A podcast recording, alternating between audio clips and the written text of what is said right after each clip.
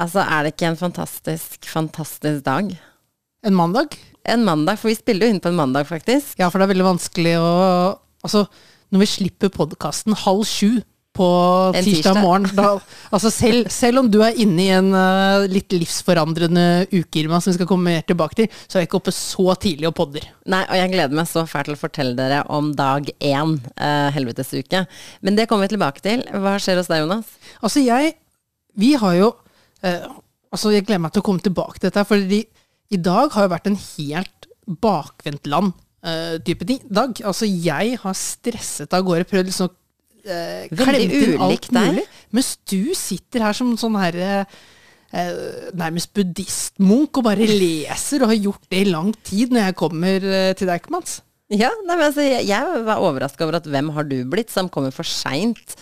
Eh, fordi du har booka deg hva da, en frisørtime ti minutter før du skal være i studio. Ja, og dette her er jo greia mi. Altså, jeg har jo to veldig enkle regler eh, når jeg skal bli klippet. Hvis jeg skal bli fornøyd, så er det to krav som er oppfylt. Nummer én, jeg må se eh, like attraktiv ut som en Grandiosa når jeg er ferdig. Hva enn det betyr. Og nummer to, det må ta halvparten av den tiden det tar å steke en Grandiosa. Og nummer, krav nummer to klarte ikke frisøren eh, på Cutters å oppfylle i dag, så det er opp til deg om eh, krav én ble oppfylt. Brukte Cutters så lang tid på håret ditt, er det det du sier? De brukte 20-25 minutter. Tok, to, da tok de seg betalt for dobbel time, da, eller? Nei, nei, nei, de tar jo samme betalt, så jeg får jo sånn sett mer value for money. Men jeg er jo ute etter korte frisørbesøk. Men ganske sjukt å bruke 20 minutter på mannehår. Altså, det kunne jeg tatt med en maskin, det du holder på med hos dem. Ja, ja, det er akkurat eh, det de holder på med. Men han her var en utrolig bedagelig type. Oi, han hadde Men- veldig god tid. Ja, men det jeg gjorde nå, da, Irma, for første gang noensinne, var at jeg klippet meg på Gunerius. Oi, ja, men der har du det. Det er svaret på alle dine problemer. Ikke sant? Og for, for de som ikke vet det, det er jo det, i området Det er som er ganske belastet område i Men det er kanskje Oslos mest trashy, hvis man kan kalle det kjøpesenter. Ja, det er det så absolutt. Minste, mest trashy kjøpesenter. Det er det. Eh, men da får man jo litt underholdning underveis. Det var nemlig to kunder som var innom mens jeg ble klippet. Altså, i den, det var en bitte liten uh, frisørsalong, bare han ene som, som klipper. Han har akkurat satt i gang og begynt å klippe meg, og så kommer en dame inn og bare 'Sorry, sorry, do you got time to cut me?' Oi! Og han bare 'Yes, after I'm done with him'. Og hun bare 'Hm'. Altså, hun ble Sint. Nei, ikke sint, men hun ble skuffet over at han hadde tenkt å fullføre klippen av meg før han gikk videre til klippen. klippe. Hun bare Ja, men jeg kan «Ah, how forstå long det, fordi that, How long will that take then? Han bare Like 20 minutes? Og hun bare da var både du og hun skuffa, for du hadde sett for deg maks fem minutter. Ja, altså jeg holdt jo på å liksom bryte inn dette her bør gå på fem-ti minutter, liksom. Hvis han der bare får ræva i gir. Nei, altså, jeg, det er morsomt å si Gunerius, for jeg er så fascinert av Gunerius. Fordi her er ståa. Det er ikke så gærent inni som det er utenpå. Altså, Gunerius er arkit altså, den arkitekten som har lagd, bygd og latt det greiene der stå. Altså, Se for deg dere som ikke kjenner til Gunerius. Det er et sånn derre sovjetgrått, eh, helt sjelløst bygg med et sånn dundrende blått, nedslitt skilt hvor det står Gunerius. Eh, Det står Unerius. Oi, ja, å ja, vi er, å ja, vi er der allerede. Ja, ok. I rest my case. Altså, at det går an å ha noe så falleferdig, bare sånn midt i beste spot Oslo, egentlig. Altså sånn sentrumsnært. Men når du kommer inn, er det ikke så gærent. Det er ikke så gærent. Det er ikke så gærent på innsiden. Nei. Gunerius er meg. Det er derfor jeg tenker jeg klipper meg der. Ja, Nei, altså, det er på egen risiko. Ja, Så det var første kunden. Kunde nummer to. Bare skulle bort der, og sånn som du holder på på Cutters, er at du, du går bort, så skriver du i navn og telefonnummer, og så betaler du, og så får du din plass i køen. Ja. Og han bare Unnskyld, unnskyld, jeg får ikke betalt. Å, herregud, det er alltid sånn tekno Jeg får ikke betalt, er det noe gærent? Og han bare ja, var, Har du lagt inn eh, riktig telefonnummer? Han bare ja, ja, dette er mitt telefonnummer. Eh, Er du sikker på at du har lagt inn riktig telefonnummer? Ja, ja, jeg har lagt inn riktig telefonnummer. Så kommer han bort, og så leser han opp telefonnummeret han har lagt inn høyt. Bare, å ja, nei, det stemmer ikke. altså bare, ja, så- ah, så det er liksom én Stakkars dame Cutters, de som er prøver, liksom, de prøver så hardt å være sånn effektiviteten Ja, sjøl. så lett. klarer ikke folk dette her. Men dette er, altså, det var folk i 30-årene som kom inn. Hun Ja, ene altså gamle, skuffet, skuffet over at han har tenkt å fullføre klippen av meg før han hopper videre. Men det var det og nummer to si. kan ikke sitt eget telefonnummer. Nei, Jeg kjenner meg igjen i henne. Jeg tenker sånn, Kvinnehår er eh, liksom mer prioritert enn mannehår. Det er ingen i verden som skjønner at menn har klippet seg når de har klippet seg. Vi, vi ser ikke Det, det er nada forskjell. Når vi drar til frisøren, så snakker vi to-tre timer, kanskje fire timer i frisørstolen. Og og likevel er det ikke alltid vi ser forskjell når dere Nei, kommer men ut. det er, det er dere problem. Det er vårt problem, Ja, for vi jenter ser forskjell på hverandre. Så det er store investeringer i tid og penger. Det er det. Og Det for er en forandring. Ja, ja, og for et eh, resultat det alltid blir. Nettopp. Men morsomt at du er inne på Bess. Ja, sorry. Ja, hun, hun, øh, han spurte hva hun skulle gjøre, og her må du hjelpe meg med, for dette vet jeg ikke om er stort. Oi, Hun skulle kutte litt på lengden og gjøre det firkantet igjen. Det var det hun Det var øh, ba om. Men jeg vet ikke om du kan ha noe mer avansert brief til cutters. Nei. Jeg lurer på om det er der det Men hva, stopper. hva betyr det å gjøre det firkantet igjen? Jo, jeg, hvis jeg skal gjette, Er da. det samme lengde da? Nei, altså hvis du gjøre firkantet, så er det sånn Hadde pannelugg.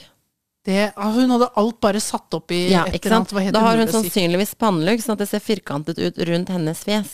Aha. Så da skulle hun sikkert stusse det, og så ta litt på lengden, det vil si ta tuppene. Slitte tupper. Ja. Og det er jo ikke sånn du, du nødvendigvis ser når hun kommer ut av uh. Nei, det kommer an på. Det kommer an på. Ja, men vi er inne på besøk. Er inne på du minte meg om noe. Eh, Jeg hadde min årlige helsesjekk. Eh, Det er veldig feil å si årlig, det er 100 år siden jeg har gjort det sist. Så Hundreårlig helsesjekk. Ja, det var på tide. det var på tide. Eh, Så jeg dro til da min fastlege, som jeg har hatt i ja, siden jeg flytta i fire år. da. Jeg har hatt henne, for jeg, altså jeg bytta fastlege på denne nettsiden man bytter fastleger, men har aldri vært hos dama. Hun heter Gunhild.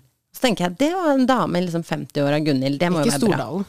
Nei, det var det ikke. På ingen måte. Altså, og så tenker jeg det er fint, for det, det, det er det eneste man ser når man bytter fastlege. Og det er også ganske skitt. Man må jo kunne vite hva fastlegen din gjør, og hvor gode de er.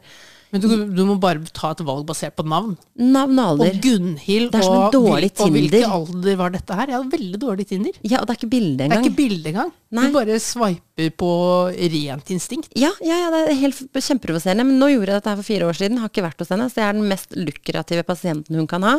De får jo betalt for alle mennesker de har på lista si. Jeg har vært på lista hennes i fire år, så hun har fått masse penger av staten for Ja, meg. for, for du bruker jo bare Dr. Drop-in og nettdoktor ja, og alt sånt. Og jeg fikk en kraftig påminnelse om hvorfor jeg gjør det. Det er det verste jeg har opplevd. Altså, det er så lenge siden jeg har vært hos fastlegen, at jeg har glemt det litt. Men jeg husker at jeg blir så sint hver gang jeg er hos dem. Det er derfor jeg bytter dem hele tiden. Men da må du jo ikke eh, sørge for å være støttemedlem der, da. Men Du hvor, holder de gående, disse elendige ja, men fastlegene. jeg Jeg tror ikke man kan melde seg ut av fastlegeordninga. Det er jo Ja. påtvunget. Uansett, jeg kommer dit. Uh, utgangspunktet er jo systemet deres superskitt. Altså Når du ser Dr. Drop-in, så er det sånn du kan bare droppe inn. Registrere på en skjerm, så får du time om fem minutter. Altså Veldig enkelt. Og her er det sånn Nei, du må ringe inn, og det er ikke noe sånn online booking. Det må de forhåndsgodkjenne. Det er masse greier. Så jeg har brukt da to uker på å få tak i en time, og så har jeg sagt det er ikke noe hastverk, fordi det er bare en års, eh, altså årlig sjekk. Men jeg har ikke vært hos legen på veldig lenge, så fint om kan, dere kan sette av litt tid. Ja, det er fint. Så kommer jeg dit, og så kommer denne sure nordlendingen ut. Å, ta nordlending. Sant? Det, altså, det altså, den pleier de i hvert fall å opplyse om på Tinder. De har såpass selvinnsikt at det er greit å opplyse Ja. om at det er en nordlending. Ja, det burde man faktisk si. Det er et kriterium nesten. Men jeg liker jo ikke nordlendinger. De er gøyale og rappkjefta, og det er alt jeg liker. Hun her, not so much. Hun var sånn dårlig nordlending. Ei. Sånn mutt, sur. Og så, Bitter, og så hører jeg bare Jeg sitter i dette venteværelset, det er jo alltid sånn kjempestille. Og så plutselig så bare Irma Jacobsen! Og jeg bare «Øh, øh, Ja. Og så kommer jeg, og så sier jeg sånn som jeg alltid gjør, da, for jeg håper jo alltid at det er et hyggelig menneske, så jeg må liksom åpne den døra. Så jeg bare Hei, hei, hyggelig, Irma heter jeg. Gunhild. Og jeg bare Ok, here we fucking go again, liksom. Altså og så går jeg inn, og så setter jeg meg ned, og så bare begynner jeg med sånn derre alder, samboer, barn, bla, bla, bla. Greit, få det unnagjort. Hun sitter bare, altså hun ser ikke på meg en eneste gang. Hun sitter bare, Og det her det ga meg flashbacks til forrige fastlegen min, som var grunnen til at jeg bytta. Han så ikke nok på deg. Ingen ser på meg. Herregud. Og så sier hun, når hun har skrevet inn all det fjaset, så sier hun Hva er det du vil? Og jeg bare et, eh, eh, hva, jeg, eh, hva jeg vil? Eh, Jeg, jeg har jo sagt at jeg skal ha en sånn årssjekk, liksom. Helsesjekk. Ja, hva da? Jeg vet ikke hva som er i en helsesjekk. Det, må, det, det håper jeg du vet. Og så bare Ja, jeg kan ta blodtrykket ditt. Jeg bare ok, sett deg her. Akkurat sånn snakker hun. Og på ingen, ingen tid ser hun på meg. Setter meg ved siden av henne, så driver hun liksom pumper den greia, lytter på hjertet, bla, bla, bla. Og så tenker jeg sånn, mener hun at det, this is it, liksom? Dette er nålesjekk. Det er ikke godt nok. Jeg er jo såpass helsebevisst at jeg vet at man må gjøre flere ting. Så jeg bare ja, nei, eh, man burde kanskje Skal jeg ta noen blodprøve? Ja, det gjør du ikke her. Det gjør du der ute. Ikke sant. Jeg bare ja, eh, ok, jeg skjønner det, men Men hva kanskje du skal bestille noen blodprøver, da? Eller skal de bare ta det på måfå der ja, ute? Ja, bare, men hva, hva, hva skal vi sjekke? Bør, bør vi liksom Kanskje man skal se på stoffskift og sånn? For jeg har vært litt sånn slapp i det siste. Bare sånn, jeg prøver liksom å bare få noe informasjon. Du er lat! lat. Jeg prøver bare å få litt informasjon ut. Hva er det vi egentlig gjør her? What's in it for me å ta denne jækla helsesjekken hos deg, ditt sure Ja. Gunhild spør seg 'what's in it for me' at du gjør Ja, det, ja. Irma. Og så, og så bare svarer hun sånn korte trekk, og bare er helt uinteressert. Og så sier hun ja. Og da skjønner jeg, uten at hun sier at hun er ferdig, da er hun ferdig. Men jeg har jo et spørsmål. Altså sånn, jeg husker ikke hva jeg skulle spørre om engang. Det var noe helt sånn banalt. Sånn derre Ja, hvor lang tid tar blod? Et eller annet sånt hun skulle spørre om. Så jeg bare ja, én ting til. Og hun bare ja, det får være raskt. Og jeg bare men i helvete, liksom. Altså så jeg blir liksom nærmest kasta på dør. Jeg, hun har gitt meg fem korte setninger. Jeg blir kjørt inn i dette laboratoriet. De tar blodprøver. Jeg er sånn På dette tidspunktet her så aner jeg ikke hva du egentlig tester, hva du har sjekket meg for. Er jeg ok? Hvor lang tid det tar før jeg får resultater? Får jeg resultater hvis ingenting er gærent? What the hell, liksom? Så det første jeg gjorde, var å gikk inn på Helse-Norge, bytta fastlege. Så har du bytta Men, igjen. eller jeg har bytta, jeg har satt meg på På venteliste, er på det ikke det du må? og nå skal jeg prøve en annen approach. Eh, nå skal jeg ha en yngre fastlege. En yngre. Oh. Fordi disse dinosaurene av noen fastleger er altså så De er så inngrodde at de hater yrket sitt. Altså, jeg har enda til gode forrige fastlegen min, også sånn sur gammel mann. Også så ikke på meg, snakket ikke til meg, ville ha meg fortest mulig ut. Ba, ba, ba, ba, ba. Så nå skal jeg prøve en ny approach. Nå skal jeg ha en ung en, og denne gangen gikk jeg inn på en side, nå husker jeg ikke hva den heter, hvor man rater fastleger. Oi, og da kan du søke etter rating? Ja, i, ditt, liksom, i din bydel eller et eller annet. Men hvis noen har noen tips om fastleger som er dødsbra, og, og som Jeg er villig til å reise rundt i byen her, jeg, altså. Fordi nå er jeg ferdig. Altså, Hvis ikke, så, så bare fortsetter jeg med doktor Drop-in eller noe sånt. Jeg syns det er litt skummelt å sette seg på venteliste hos en fastlege. Hvorfor det? Nei, for jeg tenker at Enten så tar det lang tid før du får plass, eller så betyr det at den er utrolig mange av pasientene til fastlegen som dør. Ja, Det er på en måte Det kan du, ikke liksom? jeg gjøre noe med. Her her får jeg rask Eller plass, flytter, bare eller flytter. her er det bare strøket med ingen flytter ut av Oslo. og du, det bare flytter inn. Å, det var sånn det var. Nei, det, jeg nå står jeg på den ventelista, og med tanke på at jeg drar til fastlegen hvert fjerde år, da, så regner jeg med at neste gang jeg skal til fastlegen, så, så har jeg en ny fastlege. Ja, altså, Altså, men jeg er sjokkert. Altså, det der, den, den type service, da man kan kalle det det, det er jo ikke service, det er mangel på, hadde jo aldri gått noe annet sted enn i det offentlige helsevesenet, liksom. privatiser hele jævla dritten, er Ja, det det du sier? det er nesten så jeg blir sånn. Altså, hvis ikke de kan få lov å bli vurdert, og at du blir valgt fordi du er god og, og, og god på service, hvis du bare blir valgt fordi vi må velge deg, så, så faller jo på en måte kvalitetsgraden, da, for å si det mildt. Så du gikk inn for å teste om det var noe gærent med deg, og du kom ut som Frp-velger. Ja. De gjorde deg syk, de. Ja, de, rett og slett. Så nå må jeg sykemelde meg. Så sånn, eh, sånn er det å gå til legen. Altså. Du må gjøre som oss mannfolk. Bare gjør det når du er dødssyk. Ja, og jeg får så vondt av de menneskene uh, som faktisk er skikkelig syke, eller gamle, eller ikke klarer å liksom De må ta det nærmeste og beste, og, og havner i de situasjonene der hvor du blir bare fullstendig ignorert og, og behandla som et ikke-menneske. Altså, jeg var jo frisk og trengte henne egentlig ikke, skjønner du hva jeg mener? Og jeg bli, kjente bare sånn Aldri har jeg blitt så dårlig behandla, og spesielt rundt noe så sensitivt som sykdom. Tenk om jeg hadde et eller annet reelt problem jeg skulle ta opp som var sensitivt, eller noe jeg har liksom Om det hadde vært noe, da. Jeg hadde jo aldri følt meg trygg med henne til å si noe sånt til henne. Nei. Det er, eh, Men det vil tenke hun ikke heller, tror jeg. For hun hadde jo bare, ha hun hadde bare satt av 20 lukrativt. minutter. Det er ikke lukrativt. Nei, det lønner seg at ikke jeg kommer tilbake, egentlig. Og det er jo egentlig mye å grave i hos deg, for nå har du starta denne her helvetesuka, og ingen friske mennesker har blitt med deg, i hvert fall, på dette her. Nei, men det er morsomt. Fin overgang der. Fordi, Jonas, det er så enormt engasjement. Sånn som i dag, nå er dette her mandag, vi skal jo selvfølgelig publisere det her i morgen tirsdag. Du har vært i gang med helvetesuka i sånn cirka Ja, hva blir det? Tolv timer? Ja, og jeg, skal, jeg har jo lovet jeg skal legge ut en snutt hver dag. Eh, og det skal jeg gjøre også i dag, mandag. Altså den kommer til å komme ut i kveld, mandag. Og Det er- før denne episoden her. Ja, for jeg skal jo legge ut hver dag. En liten teaser på denne episoden òg, eller? Ja, jeg kan jo egentlig Ja. Men, men det har altså jeg kan, jeg kan jo ikke Nå har jeg avslørt for mye sannsynligvis i kveldens episode, som ikke er spilt inn ennå. jeg skal ikke si for mye, men det er et enormt engasjement. Det er det, ja. Og så har jeg et, et kjempeproblem. Sosiale medier. Ikke ja ikke misforstå nå. du er ikke den eneste med det kjempeproblemet der. Nei, men For hvordan den skulle du legge død. Begrave under denne uka Ja, her. minst mulig. Egentlig så står det sånn maks én time og ikke arbeidstida. Ja. Men, men hvis jeg skal legge ut snutter av det jeg driver med, for folk følger jo med, faktisk. Jeg får jo masse spørsmål. Det renner inn spørsmål og kommentarer og you name it. Og jeg må jo legge ut de snuttene også som promo til podkasten. Hvordan skal jeg gjøre det uten å være inne der? Og skal jeg ikke svare alle de menneskene som spør meg om dette her? Jeg tror du må bruke det som kun liksom, Du må se på det som en jobb, og så si at det er jobb spesifikt. Ja, ok, men det er det jeg lurte på, for det, da må vi bli enige om det. For Ja, jeg satt med bli dårlig samvittighet. Jeg bare kan ikke ikke svare folk. Det er, jo, Nei, nei, det er jo en kommunikasjonskanal, men jeg skal ikke scrolle. Det skal jeg ikke. Ikke scroll.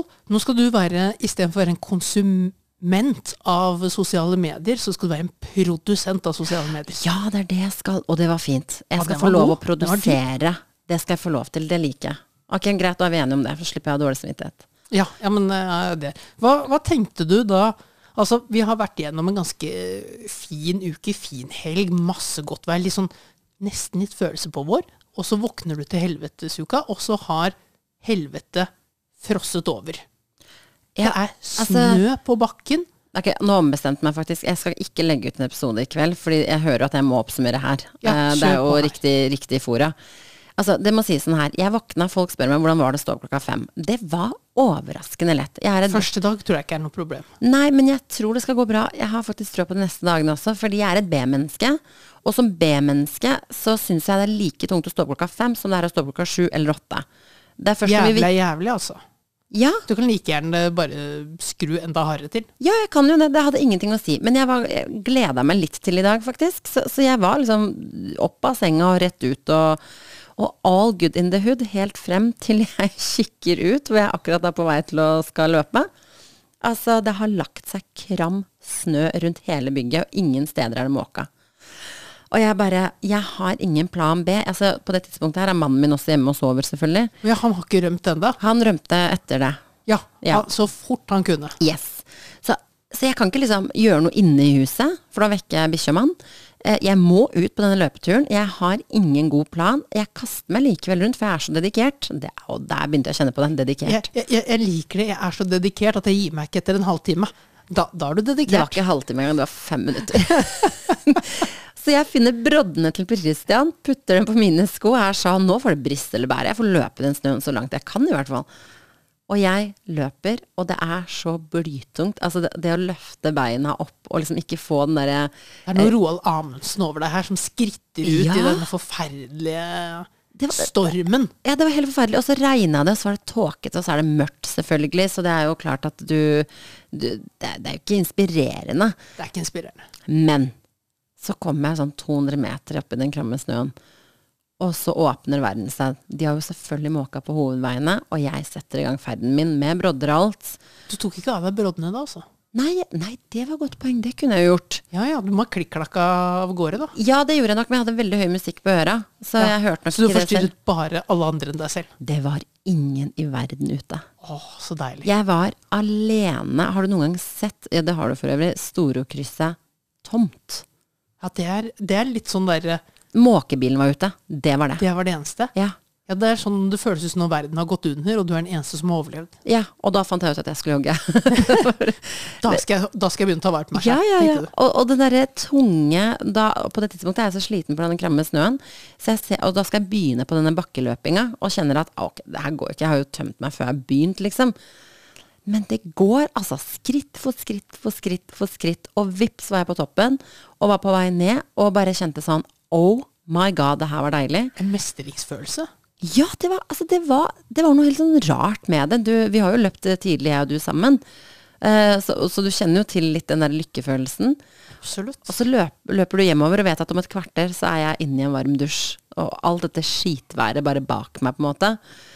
Kommer hjem, og så skjønner jeg at jeg har så god tid, så jeg setter meg ned og tar en kaffe mens pulsen roer seg. Sitter helt stille, får ikke lov å scrolle på mobilen, så da vet jeg ikke helt hva jeg skal gjøre. Men så jeg blir sittende og bare sånn kikke ut. Og så fikk jeg et øyeblikk der òg, og jeg var sånn åh, shit, det her var deilig. Når har jeg noen gang hatt sånn tid på morgenen? Never. Jeg dusjer, og det er ikke bare vanlig dusj, ikke sånn heseblesende dusj. Det er sånn skrubbe, smøre seg inn, alle disse ritualene. Er det til og med en hårvask? Det er hårvask, det er, det er hårføning, det er krølling. Altså, jeg har så god tid, og jeg tar alt av ansiktspleie og bare kikker på klokka og bare shit, jeg har fortsatt dritgod tid. Så jeg setter meg ned igjen og drikker enda en kaffe. Bare sånn helt fredelig. Ikke et menneske ute, ikke et menneske inne. Og så bare Nå må jeg faktisk bare dra på jobb, nå vet jeg ikke hva jeg skal gjøre mer, liksom. Så jeg var tidlig på jobb i dag. Og fikk jobba nesten halvannen time sånn helt uberørt før det begynte å strømme inn folk. Så hele dagen har vært eh, dritbra. Du har vært i forkant, du. Ja. Og jeg har, jeg har liksom hatt tid til å fullføre ting, gjøre ting, tenke, reflektere. Ha lav puls, rekke poddinga uten at jeg har løpt eller blesa meg gjennom noen ting. Det, det, det, var, det var Altså, nå er jeg litt hallelujastemning. Du Ja, kan nå er det hallelujastemning. ja, spør meg gjennom tre dager, liksom. Ja. Jeg vet ikke hvor jeg står da. Men altså, hittil så Jeg skal leve lenge på dagen i dag. Dette blir en berg-og-dal-bane. Ja. Det. Jeg, jeg, det eneste jeg er redd for, er som sagt fredagen. Den derre døgninga. Men uh, ellers så vil jeg jo si at eh, Døgning etterfulgt av bransjefest. ja Den blir tøff. Nei, eh, døy, bransjefest. Døgning og så bransjefest. Døgning og så bransjefest, ja. Ja. Ja, for det går ikke an å flytte det til at liksom døgning blir en del av etterdønningen av Bransjefesten. Jeg kunne jo gjort det, faktisk. Det, det må jeg tenke på. Døgning er jeg utenfor. døgning. Jeg går utenfor eh, spekteret, og da blir jeg stressa. Ja. Ja nå, har nå- du fått, uh, nå har du fått guiding i livet. Ja, jeg har fått noen regler å leve etter. Men ja, sosiale medier har vært litt krevende. Eh, og så har det vært krevende å være superfokusert på jobb. For det har jo kollegaer Vi skravler jo, altså vi er jo en sosial gjeng. Så det å liksom skulle være hyperfokusert og hele tiden og ikke liksom la seg distrahere, det har jeg ikke naila. Men jeg tenker, det, målet er jo ikke at dette skal være skritt hund- om gangen. Ja. ja. Jeg tenker jeg, det er greit, det. Ja, du kan ikke være mer fokusert enn det omgivelsene tillater. Helt riktig. Og kollegaene mine er akkurat fullstendig ubrukelige på akkurat det. For alle er jo akkurat like sosiale. Så vi har, vi har bare ting vi må snakke om hele tiden. Ja. Men uh, har du fått noen innspill fra lytterne til uh, ting som uh, skal legges på lista? For du var jo litt etterspurt i det her forrige uke. Ja, jeg har det. Ikke bare har jeg fått Altså, Anne Kjersti har sendt ikke bare Hun sendte faktisk flere ting, og ikke minst, hun sendte meg en lang liste med en matplanlegging som hun har gjort for seg selv. Hun planlegger jo altså middager en måned framover i tid. Ja, så jeg fikk liksom omtrent en ferdig matplan, eh, som også var eh, Ja, det var fantastisk. Helt fantastisk. Og hun foreslo at jeg skulle rydde i boden, eksempel. Ja, det var det jeg som kom her også. Ja. Ja, Men eh, du, så bod satt jo på lista sist, og så fjerna vi sluk og Ja, sluk er vi, det er ikke aktuelt engang. Dobørster og sluk. Og så står det tømme og rime av fryser. Eh, åh, det sitter også langt inne. Vet du hva? Da, ikke gjør samme tabbe som jeg gjorde en gang. Hva gjorde du? Slo du av hele kjøleskapet? Nei, nei ja, altså, ja, men altså, jeg skulle liksom få litt sånn der fortgang på den her avtinningen. Eh, Føna du? Nei, jeg satte inn stearinlys. Du gjorde hva? Jeg satte inn stearinlys. Nei. Det blir utrolig sølete. Det er det rareste jeg har hørt. Ja, veldig merkelig. Altså Så du at jeg kom med føner og alt annet før Jeg hadde ikke tenkt stearinlys engang. det, var, det er for far off. Men jeg tenkte, hvordan, eh, hvordan får du varme? da? Man må tenne bål. Hvordan tenner man bål inn i et eh, moderne, moderne Oslo-leilighet? Man får eh, tenne et stearinlys. Ja, da har vi lært av det. Ikke gjør det. Ikke gjør det. Bruk hellig kjele med glovarmt vann. Eller bruk huet. Bare. Ikke, ikke bruk huet som bokstavelig talt. Ikke legg deg i og blås. det er faktisk Sånn kanskje enda dårligere fredagsfølelse i dag. Nei, så det er i hvert fall oppsummert min dag. Eh, og så tror jeg faktisk jeg har inspirert folk. Jeg hørte i dag at bl.a. eh, to venner av meg skal plutselig ut og trene. Jeg bare sier det. det er, folk har latt seg inspirere. Du er en influenser nå. Det er det jeg er. Og hvordan kan jeg være en influenser uten å bruke sosiale medier? Nei, det der, altså Men det er jo også det Hele du- du- livsgrunnlaget mitt. Du bruker det, men så konsumerer du det ikke, så folk vil ha mer av deg. Fordi du ikke er opptatt av sosiale medier denne uka her, så gir du litt, men folk vil ha mer. Men jeg kommer Hele til å fremstå-. Altså, jeg følger da ingen andre, aner ikke hva noen andre driver med, liker ingen andre, og så skal jeg sitte der og bare ta imot. Det er sånn du skal være som influenser. Det Du skal sant. drite i hva alle andre gjør. Du skal gå din egen vei. Det er sant. Livet kretser rundt deg. Og jeg kan fortelle at Silje var ganske kjapt til å påpeke at eh, For jeg, la ut, jeg har lagt ut noen snutter i dag på Instagram og Snapchat. Hun var raskt ute med å påpeke Hadde ikke du sosiale medier-forbud? Så jeg tenker det var fint å få avklart dette her på poden Ja, men det er umiddelbart. nettopp Folk elsker å sende noen sånne stikk, vet du. Ja, når man går høyt ut, vet du, så er det langt å falle. Ja, og jeg har gått høyt ut. Så dette blir en spennende uke. Dette her blir en utrolig spennende uke. Jeg, altså, den positiviteten du har nå, er jeg ikke overrasket over. Eh, Du har jo hatt noen uker til å bygge deg opp, og bygge opp en eh, offensivitet overfor dette her. Eh, at dag én går bra, dag to Jeg tror onsdag og torsdag, det er da jeg er spent. Ja, jeg også. Og så må jeg si at det har, det har ikke stått på at det har vært mangel på folk som har prøvd å snakke meg fra dette her. Folk har sagt at det er tåpelig, og at eh, det er dumt, og det er hva er meninga, og jeg ser ikke poenget i det. så- Det, det har vært tusen mennesker som har prøvd å få meg vekk fra dette her. Men jeg tror det er fordi de ikke er i stand til å gjennomføre selv. Så det var en utfordring til alle dere haters. Hæ? Nettopp. Nei, men øh, jeg er spent jeg på din vandring, en ukes vandring gjennom øh, helvete, og hvor du havner ut på andre siden. Apropos det, har du lyst til å være med og rydde i klesskapet mitt etterpå? Jeg trenger så selskap. Det er det verste. Jeg har tatt den verste oppgaven først. Du starter der. Du, du har jo sett de tellekantene jeg har hjemme. Det er ganske enormt. Så hvis eh, du og Kaja kan bare ta en svipptur innom, så setter jeg pris på det. En svipptur innom. Ja, ja, vi, vi fakturerer konsulentpris i etterkant. Apropos da, Irma. Du som influenser, influensere, eller Sofie Elise som influenser, hun har vært i vinden øh, denne uka her. Å ja. Oh my god. Norge skal vippes av pinnen. Altså, det har tatt av. Sofie Elise altså har blitt fotografert med en annen profil, som alle er enige om at vi skal si. Alle vet hvem profilen er, men vi trenger ikke å name-droppe det nå som vi er blitt en stor offentlig pond. eh, og denne profilen ved siden av henne holder en pose som man kan anta er narkotika, og da kokain spesielt har blitt spesifisert. Nå vet jo ikke jeg egentlig helt hvordan de ulike ser ut, men vi får bare stole på det som blir sagt. Og det har jo skapt rabalder, fordi hun har ansatt NRK. Og da stusser jeg, Jonas. Hadde det vært annerledes om hun ikke var ansatt i NRK? Ja, for har ikke hun også nettopp et sånt her eh, avvenningsopphold bak seg? Jo, det er akkurat det hun har. Hun har jo akkurat kommet ut av rehab. Eh, rehaben, hvis jeg husker riktig, ikke sitere meg, var vel for Var det noen sovemedikamenter? eller, Ja, noe sånt eh, noe. Ja. Og så går, kommer hun ut, og det første hun gjør, er liksom drar på massive fester, hvor det liksom er partybilder og hurra med rundt, som jeg tenker er en kjempeprogresjon for en som akkurat kommet ut av Man må feire heftig å ha kommet ut av rehab.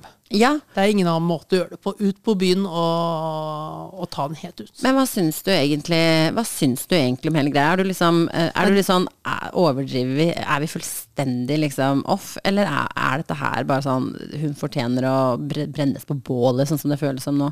Nei, men altså, dette her spiller jo bare inn i Altså, hun tjener jo penger på alt dette her. Eller hun får jo oppmerksomhet. Dette spiller jo rett i hennes eh, hennes hånd. Så man burde jo egentlig, altså som ansvarlig voksne, så burde man jo liksom steppet vekk og la hun holde på med sine egne greier. La det liksom bare brenne ut, og så får hun, eh, får hun hjelpe seg sjæl etter hvert. Det er nettopp det, og teoriene som er ute i verden nå, og som jeg 100% tror på, er at hver gang eh, Sofie Elise begynner å bli irrelevant, altså tallene hennes stuper, vil si også reklameinntekter med det, så kommer det et eller annet, det er sånn par ganger i året, så kommer det et eller annet superkontroversielt fra henne. I dette tilfellet her, eh, hun er en influenser som legger ut og tar bilder eh, tusenvis sikkert om dagen. Det er ikke tilfeldig at dette her nødvendigvis blir lagt ut. Hun gjør ting gjennomtenkt og får massivt med PR. Og så kan man jo lure på om hun nå har pusha det for langt. At hennes vanlige strategi som er provosere mest mulig, har det gått for langt? Vil det få konsekvenser? Jeg er usikker, fordi vi har lett for å glemme, og plutselig så skriver hun en bok, som hun ofte gjør, eller skriver et innlegg hvor hun skriver 'Jeg har ikke hatt det bra, og, og dette her er vondt', og uff, uff, uff. ikke sant? Ja. Og så er tjener hun nye penger, så det er bølge to. Bølge to. Så det er strategi bak alt. ja, men dette her, er da, jeg blir litt sånn oppgitt, for da tar man jo sånn Ofte så snakker man om at eh, Sofie Elise er eh, genial på området. Hun vet hvordan å få oppmerksomhet. Så bare sånn, Er hun genial, eller er resten dumme? Altså, er, er det ikke for Det er jo vi som gir oppmerksomheten. Nå gir jo vi også oppmerksomheten. Ja, alle gjør det. Det er det eneste Norge har snakket om i en uke. Det har vært 200 publiseringer om saken og henne på liksom 24 timer når det slo ut. Så hun får jo akkurat det hun vil. Eh, er hun smart nok til å være så spek utspekulert? Vi har jo sett det tusen ganger før, så svaret mitt er umiddelbart ja.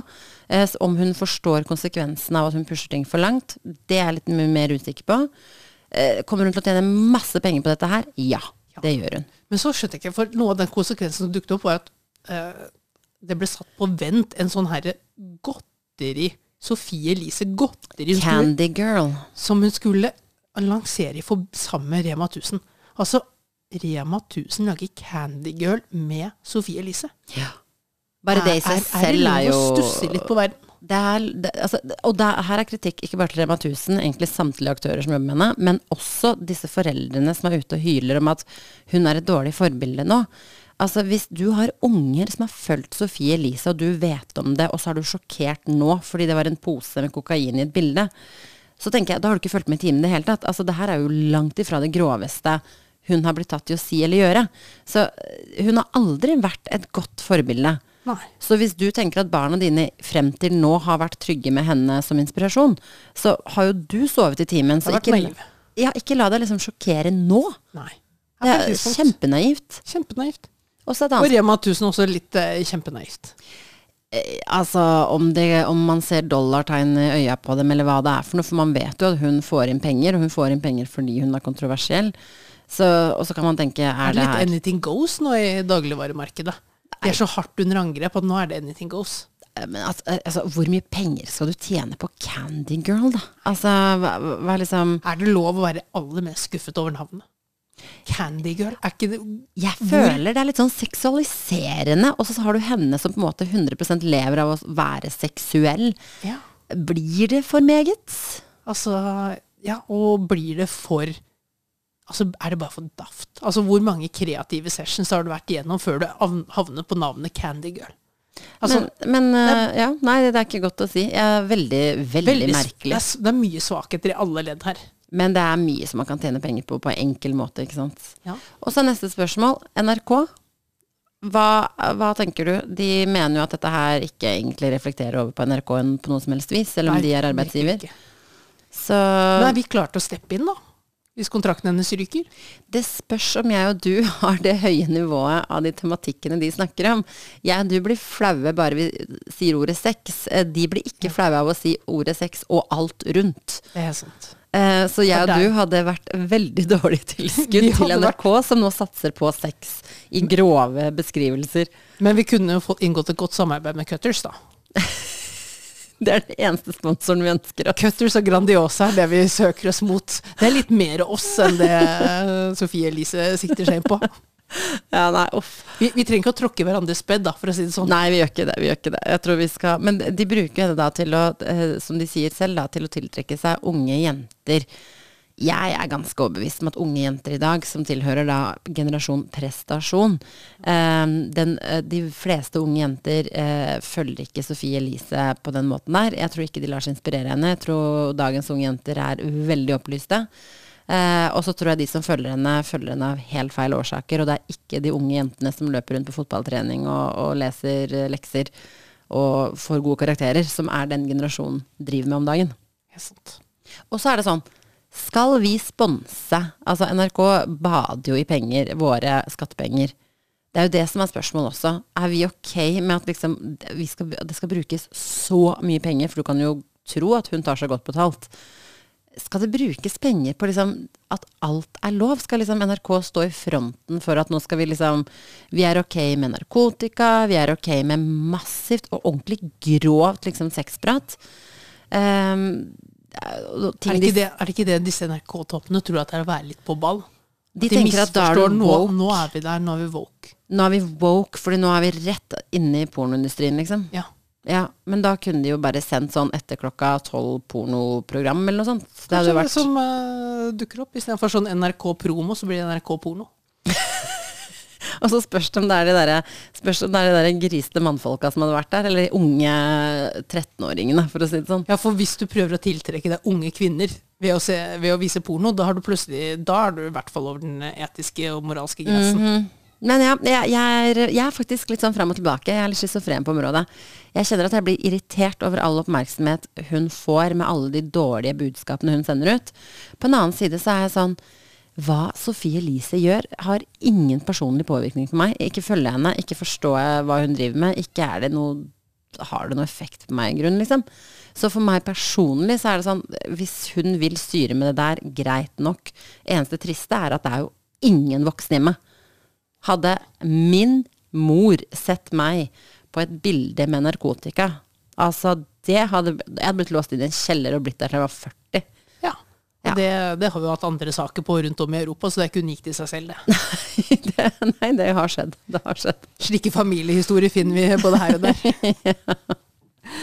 eh, apropos historier vi ikke finner her og der, eh, Irma. Jeg har jo bitt meg merke i en eh, historie i media denne uka her som har gått. Eh, og jeg prøvde å sende til deg, og du, du var ikke sånn initielt sjokkert. Noe som sjokkerte Nei. meg igjen. Verken sjokkert eller imponert. Jeg var mer sjokkert over at du var sjokkert. Ja, det var du. For dette saken er også på et eller annet sånt, eh, om det var treningsstudie eller jeg tror det var noe helse-spa-opplegg i Porsgrunn. uh, I seg selv har jo ikke for Har de spa i. Porsgrunn? Ja, eller et badekar, da, om du vil. Badekar og badstue. Og det er i denne badstuen her uh, at uh, det kom inn en kvinne og ble forferdet. Hun ble forferdet av flere ting.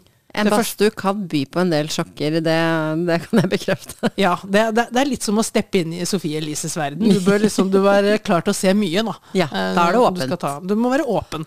Uh, hun var ikke for åpen. Uh, kom inn, det satt uh, fire mannfolk der.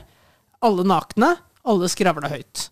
Eh, det syntes hun ikke noe om i utgangspunktet. Nei, for det er en regel, faktisk. På spa er man stille. Ja, men eh, i Porsgrunn eh, holder man aldri kjeft. Nei. Nei, Så dette her var greier, liksom. De satt og, og de svettet også, og hun syntes det også var ekkelt. Og så tenker jeg ok, men det hadde jo ikke blitt bedre med håndkle på. Hun syntes det var ekkelt at de svettet i en badstue. Ja, ja den, den er litt ironisk. Kanskje hun Ja, Men kanskje det var ja. nakenheten i samhandling med Jo, svetten, men sånn at du på en måte fikk Man er jo ganske naken uansett med eller uten håndkle i en badstue, og man går jo dit for å svette. Men kanskje det er noe med den visuelle greia på hvor svetten forsvinner inn i hulerommet i kroppen, uh, som hun ikke trengte. Det er det eneste jeg kan anta. Men det som skjer neste her, da, Irma, er jo at uh, det kommer en fyr inn med aluminiumsfolie og noen brødskiver. Og så slenger han disse her på den her, eh, disse kølene som eh, skaper denne varmen da, i eh, badstuen. Mm. Og så steker han seg et ostesmørbrød inni badstuen. Sånn noen centimeter fra den her nakensvettingen. Det tar en fire-fem minutter, så er han ferdig, inn, og så går han ut igjen. Jo, så var det også sånn eh, Det første det, han, det var en fyr som spurte kommer det til å lukte, eller? Han bare nei, nei, nei, det lukter aldri. Dette har jeg gjort mange ganger før. Eh, null stress. Og så begynte det å lukte litt likevel. Da, så klagde han på at nei, kona har vært kjip på aluminiumsfolien eller et eller annet sånt. Men hvorfor har han tatt med seg et smørbrød inn Altså, denne fyren har stått fram også. Dette her var jo først liksom postet han har stått frem med navn og bilde, liksom? Ja, ja. Oi, oi, oi. Ja, ja, for dette ble først postet av hun dama på Facebook, så ble plukket opp av lokalavis, og gikk det litt grann, eh, småviralt i Norge. Og så, 40-åringen, 40-årig småbarnsfar, hei hei, dette er meg, her har dere bilde av meg til avisa. Eh, jo, dette har han holdt på med mye. Altså, det er så dyrt ute i kantina at uh, han tar og Kantina, men er dette på en arbeidsplass? Nei, det er på noen sånn spa-avdeling, kantine, kafé-opplegg, eh, hva nå det måtte være. Og han mente Men betaler han strømmen på denne kantina? Nei, men uh, å kjøpe mat derifra kan han har tatt ikke- med, og han har tatt med helt Han har tatt hjemmefra? med hjemmefra. Han har laget seg ostesmørbrød hjemme. Mangler bare oppvarmingen. Putter den på grillen inne i badstuen. Fyrer av litt sånn der eh, god roquefort-lukt i Oi. eh, badstuen. Og så går han ut igjen og serverer sine barn, tror jeg han hadde lagd dette her til. Så han hadde jo sluppet spart mye penger, da. Og dette her Han hadde, han hadde sagt at han hadde jo egentlig forventet å bli rettesatt av personalet på et eller annet tidspunkt. Så mange ganger har han gjort dette her. Men de har aldri sagt noe. Men, uh, Men nå syns han har var litt merkelig at hun spa, hvis du har råd til å dra, dra på spa Så burde du ha råd til å spise der òg. Ja, for det er jo ikke maten du går på en smell på der, liksom. Nei, men uh, tydeligvis at dette er en eh, type han vil ha valuta for pengene, og han, uh, han får den svettingen okay, han skal men ha, men men han får ikke maten. Jeg er enig da at det er ganske sjokkerende. Fordi det du sendte meg, da leste jeg bare overskrift. 'Mann stekte smørbrød i, um, i badstue'. Og så tenkte jeg ja ja, det høres ut som en prank noen gutter drev med, liksom. Altså sånn ha-ha. Ja, nei, dette var en 40 år gammel småbarnsfar som, Som- gjør dette regelmessig. Oh my god. Det er jo lov å Jeg vet ikke om uh, uh, Ja. Men jeg hadde jo gitt Jeg tror jeg hadde gitt han tilsnakk jeg, denne, i denne badstuen hvis jeg hadde sittet der og plutselig så begynte å lukte ostesmørbrød, liksom. Ja. Det er jo ikke hygienisk heller. Nei, det ikke Skal det renne ost da nedi den der eh, greia som driver og skaper nettopp uh, Hva heter det? Damp? Ja. ja det får litt sånn der eh, ostedamp og Nei. hele ah. greia. Akkurat som ikke det holder med menneskekropp og svette, liksom. Nei da. Så der har du hel, full pakke i Porsgrunn. Ja, nei, men takk for at du delte den historien. Det var nydelig. Kjente det eh, langt nedi magen. Ja, så godt. Dette her er eh, noe mer, klass, altså noe mer klassisk og uklassisk norsk eh, matpakke på en og samme gang. Det får du ikke. Nei, skal vi kalle Det, det det er så norsk og så unorsk som det har blitt. Ah, fy flate. Da kan han spise tørre brødskiver, tenker jeg. Ja. Er det famous last words? Eller Jeg tror det er famous last words. så tenker jeg at øh, han burde jo holdt på litt inn i helvetesuka di og sette av den tiden til å lage på- ordentlige middager. Ellers har han vært på fest med Sofie Elise, og det har gått litt uh, Gått en kulevarm? Gått en kulevarm, bokstavelig talt. Det er famous last words. Det er famous last word. Nå har vi liksom knyttet fra Gunerius til Sofie Elise. En ganske en, en hvit stripe gjennom hele podkasten, kan vi vel si. Vi kan holde på i evigheten med det her. Nei, takk for at du lyttet igjen, og dere hører små snutter fra meg utover uka. Vi høres snart igjen.